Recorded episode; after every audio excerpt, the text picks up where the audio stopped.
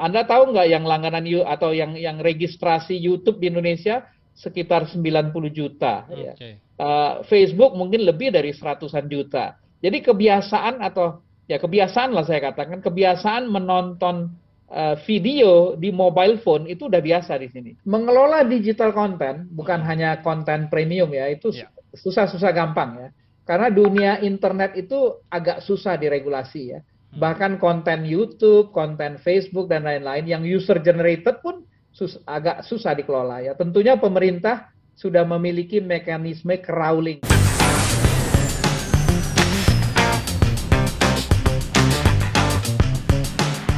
Halo Sobat Antara, lagi-lagi kembali lagi bersama saya Afud Safri dalam program Berisik, Berita Asik. Nah, di podcast Antara kali ini kita akan membahas salah satu platform streaming yang sepertinya mulai populer ketika kita harus uh, standby berada di rumah karena pandemi dan mulai banyak uh, platform-platform penyedia streaming. Salah satunya ini kita kedatangan tamu dari Lionsgate uh, buat sobat antara yang tahu tentang Lionsgate yang uh, yang ada di Sonono besar sekali perusahaannya dan sekarang mencoba menjajaki masuk di Indonesia dengan menargetkan berbagai film-film unggulannya. Nanti akan kita bahas secara tuntas dan lebih dalam bersama Pak Guntur. Halo Pak Guntur.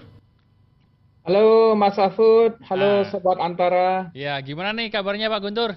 Baik, baik, tetap di rumah. Iya. Pak Guntur ini selaku ini ya Pak, uh, General Manager ya Pak dari Lion ya, Lions ya, Gates ya. Indonesia. Ya. Oke. Nah, Pak Guntur, saya sudah sempat sebut nih Pak tadi bahwa uh, ini adalah bisa dibilang pemain baru di Indonesia ya, sebagai ya. penyedia streaming film. Nah, sebenarnya bisnis Lionsgate di Indonesia ini seperti apa, Pak? Bisa diceritakan?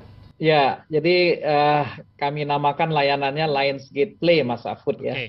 Jadi Lionsgate Play ini adalah bagian dari grup Lionsgate, ya, di mana grup Lionsgate itu uh, uh, studio uh, banyak bisnisnya. Ada studio uh, terkait dengan film, uh, televisi, kemudian ada juga channel di pay TV ya, kemudian ada juga uh, gaming juga ada. Nah, di Indonesia ini tentunya banyak kita yang sudah kenal film-film yang di, diproduksi oleh studio Lionsgate, ya, Lionsgate Entertainment.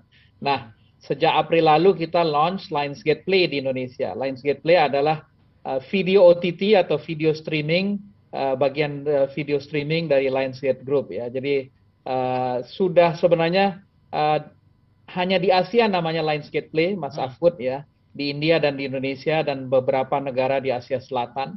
Di dunia namanya sebenarnya Stars Play.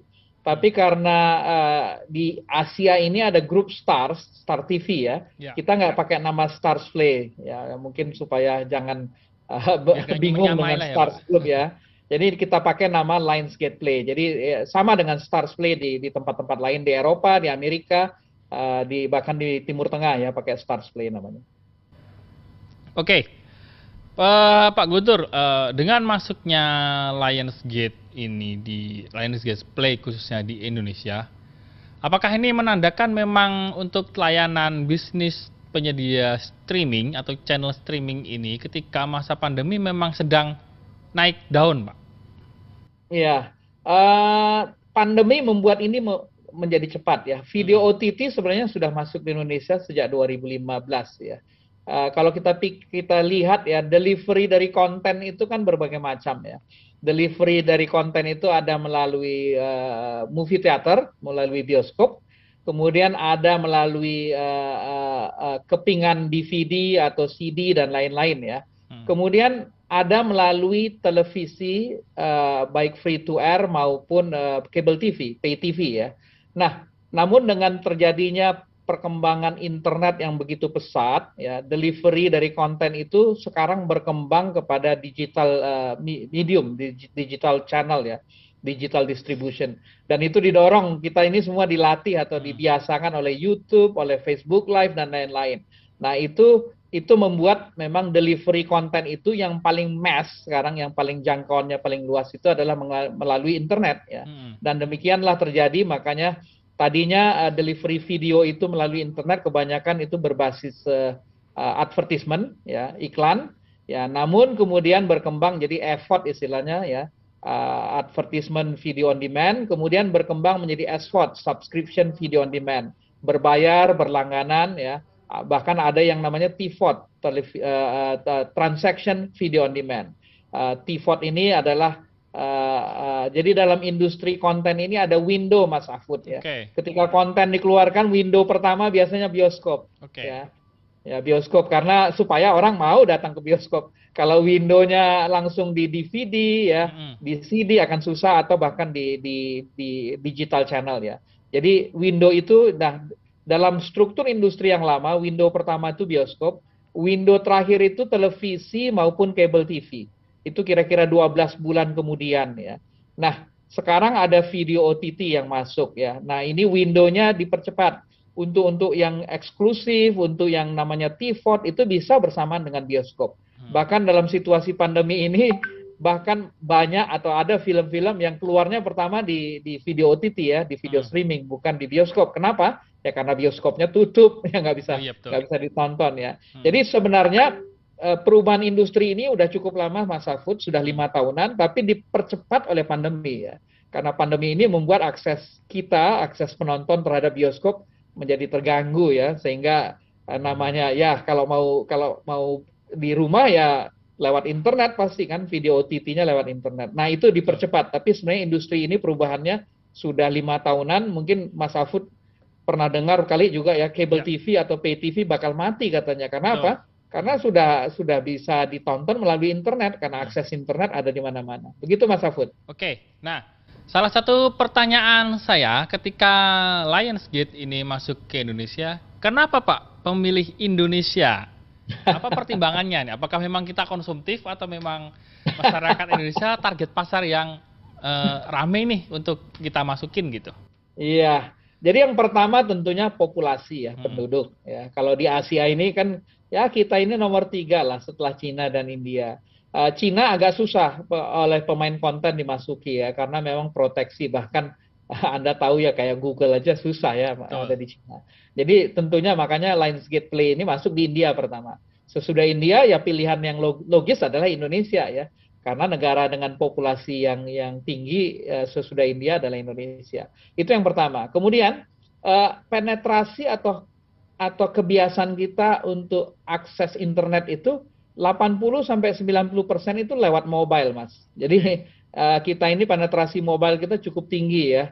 Uh, penduduk 200 jutaan yang punya mobile phone mungkin 300 jutaan ya. Ada saat satu orang lebih dari satu HP ya. Hmm. Nah dengan demikian uh, ya saya nggak mau katakan konsumtif ya. Hmm. Uh, kalau kita kalau kita perhatikan pelanggan lah ya atau ya pelanggan lah pelanggan Facebook, pelanggan YouTube. Uh, anda tahu nggak yang langganan atau yang yang registrasi YouTube di Indonesia sekitar 90 juta okay. ya. Uh, Facebook mungkin lebih dari seratusan juta. Jadi kebiasaan atau ya kebiasaan lah saya katakan kebiasaan menonton uh, video di mobile phone itu udah biasa di sini. Lain dengan Singapura, dengan Korea ya. Korea penduduknya juga gede, tapi kebanyakan mereka menontonnya di di large screen ya, di di, di apa namanya di komputer. Karena kabel broadband mereka cukup kuat ya. Kalau kita memang mobile ya.